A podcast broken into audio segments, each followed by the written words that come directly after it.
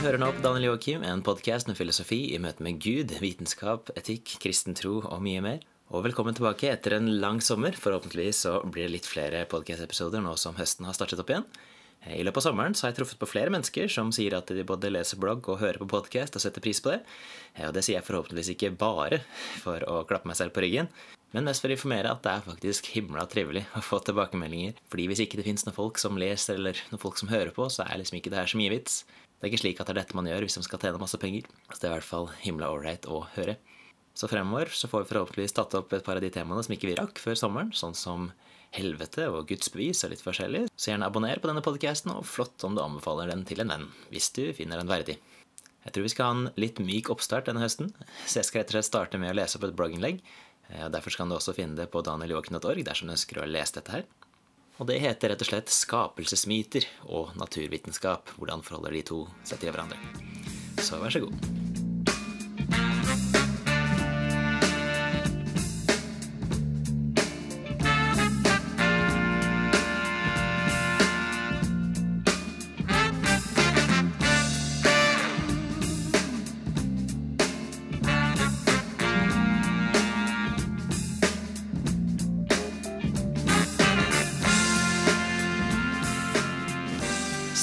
Skapelsesmyter og naturvitenskap.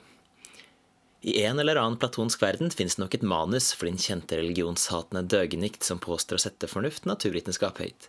I det manuset finner du nok et eget kapittel for hvordan naturvitenskap har blåst religionenes påstander til fillebiter, hvordan det kommer til å fortsette å gjøre det helt til vi befinner oss i et moderne, opplyst overtrofritt utopia, osv.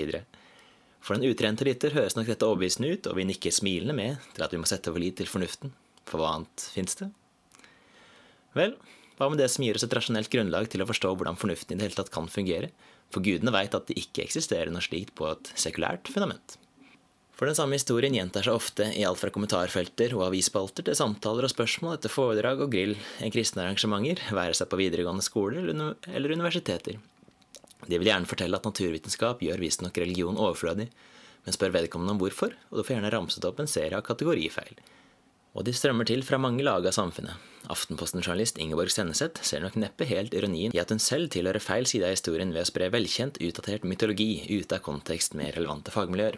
I en tweet i sommer så skrev Ingeborg man må gjerne kombinere evolusjon og Gud, riktignok like nyttig som å blande isbiter i kullet på grillen, men det får være opp til hver enkelt. Den vitenskapelige tenkningen vil ta over skanse etter skanse, rett og slett fordi det er den beste vi har. Og jeg finner nesten ikke ord for å beskrive hvor tåpelig denne påstanden her er. Det Ingeborg har her, er et filosofisk standpunkt som gjerne kalles for scientisme. Eh, og scientisme er en like stor trussel mot naturvitenskap som den verste flatjorder eller ungjordskreasjonist. Og jeg tror hvis du går på var det episode tre og episode fire eh, om religion og naturvitenskap av denne podkasten, eh, så ga jeg inn i ganske stor detalj på nettopp hvorfor scientisme er en såpass irrasjonell filosofi som står i stor fare for å utradere naturvitenskap fullstendig. Fordi det Ingeborg skriver her, er enda mindre fornuftig enn å skrive at ja, man må gjerne kombinere musikkteori og komponist, altså for å forklare eksistensen av en symfoni. Det er riktignok like nyttig som å blande isbiter i kullet på grillen. Musikkteorien vil ta over skanse etter skanse, rett og slett fordi det er den beste vi har. Altså Eneste grunn til at man kan fullføre en sånn setning uten å bryte ut i rå latter, er fordi en annen mytologi holder en fanget. Og en annen, forfatter Michael Seth Williamson, har skrevet følgende. Religion has really become a bad joke. Physics destroy creation myths. Biology destroys creation myths. Geology destroys creation myths.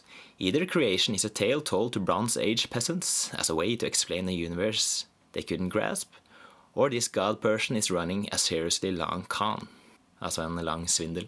Så hvordan skal vi forstå dette her? Hvorfor skal vi tro at det er vitenskapelige øvelser, utviklet fra et logosentrisk jødisk-kristent tankefenomen som har sådd tvil om noen gamle myter, og som gir oss grunner til å godta dette narrativet? Fordi hvis 'destroying creation myths' betyr noe slikt som å demonstrere at skapelsesmyter ikke er sanne, hvorfor trenger man da naturvitenskap for å gjøre det? Altså, Er det fordi vi har funnet ut at universet ikke ble skapt i løpet av sju dager, eller fordi vi har lært om Big Bang og evolusjon?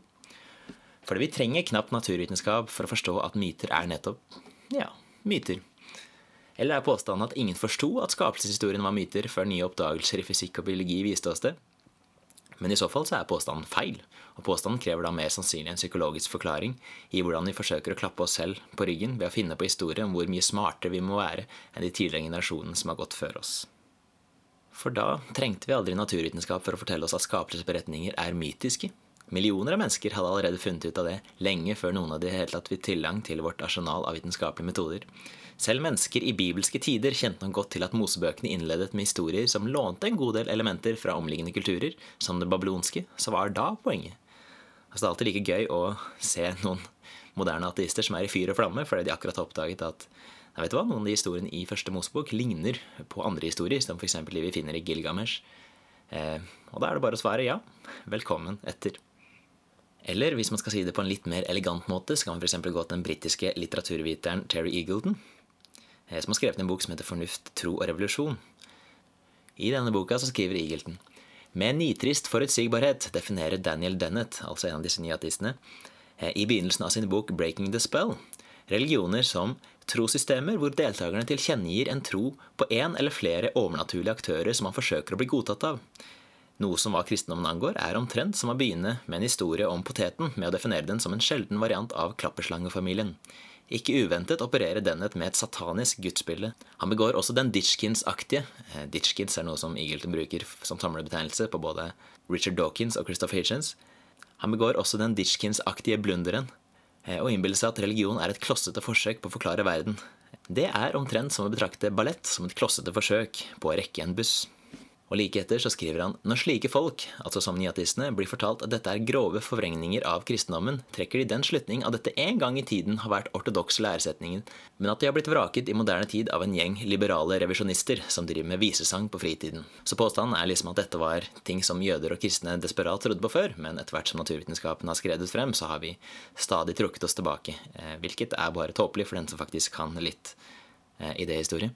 For tilbake til teksten om skapelsesmyter og naturvitenskap. Det krever ingen kunnskap om naturvitenskap i å forstå en myte for hva den er, og for å bli fremdeles intellektuelt tilfredsstilt av den. Dette, om noe, burde hjelpe oss til å forstå at myter tilfredsstiller vår intellektuelle nysgjerrighet på en helt annen måte enn hva naturvitenskap gjør, og at slike myter er derfor ikke en sånn type ting som vitenskap ødelegger. For det stemmer at det har eksistert, og fremdeles eksisterer, mennesker som forstår enkelte skapelsesberetninger for også å være vitenskapelige sannheter, og de har blitt vist å ta feil. Men for et menneske å lure på hvorvidt en myte også kan være en vitenskapelig sannhet, er en helt forståelig hypotese å holde seg til for en tid. Det verste som kan skje, er at hypotesen viser seg å være feil, slik at myten kan returnere til å være nettopp bare myte. Så kanskje det er vårt moderne konsept av hva en myte er, som er det store problemet. At en myte nærmest er å ligne med en løgn. Noe som ikke kan være intellektuelt respektabelt dersom det ikke forteller på vår foretrukne måte om historisk presise hendelser. Er vitenskap nå den eneste måten vi kan fortelle om virkeligheten vi lever i? Og tilfredsstille vår intellektuelle nysgjerrighet? Nei.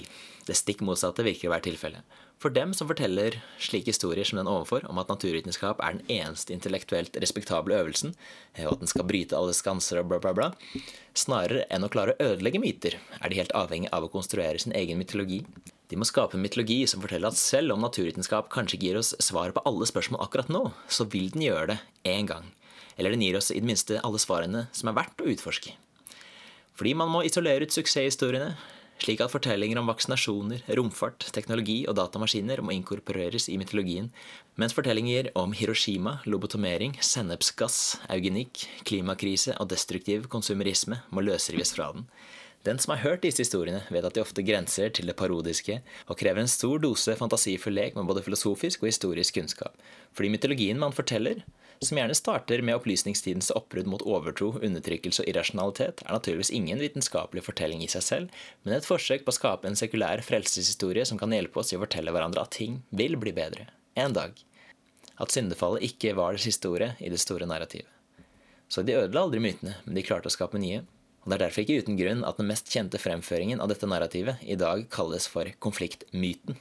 Draper og Dixon White er kjent som myteskaperne av denne myten, men f.eks. historiker Lawrence Princip oppsummerer dem på denne måten. While we can look today with astonishment upon the shoddy character of Draper and White's writings, their books have had enormous impact, and we can't deny that. Much of this is due to their great success in their creating a myth for science as a religion.